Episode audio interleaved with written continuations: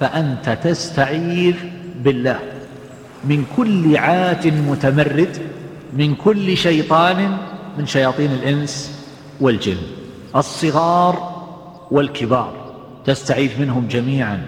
يوسوسون للإنسان ويزينون له المنكر ويثبطونه عن ذكر الله عز وجل وعن الصلاة وعن كل قربة ومعروف يتقرب به إلى ربه ومولاه جل جلاله.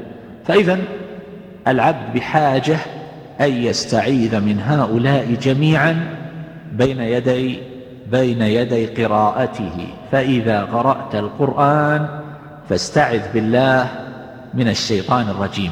استعذ بالله من كل متمرد عات على ربه تبارك وتعالى. أن يؤذيك أو يصرفك أو يشغلك أو يوسوس لك. كل هذا داخل في قولك أعوذ بالله من الشيطان. فإذا قرأت القرآن فاستعذ بالله من الشيطان الرجيم.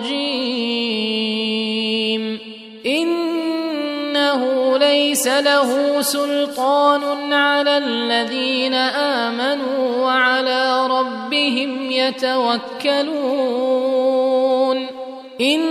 إنما سلطانه على الذين يتولونه والذين هم به مشركون.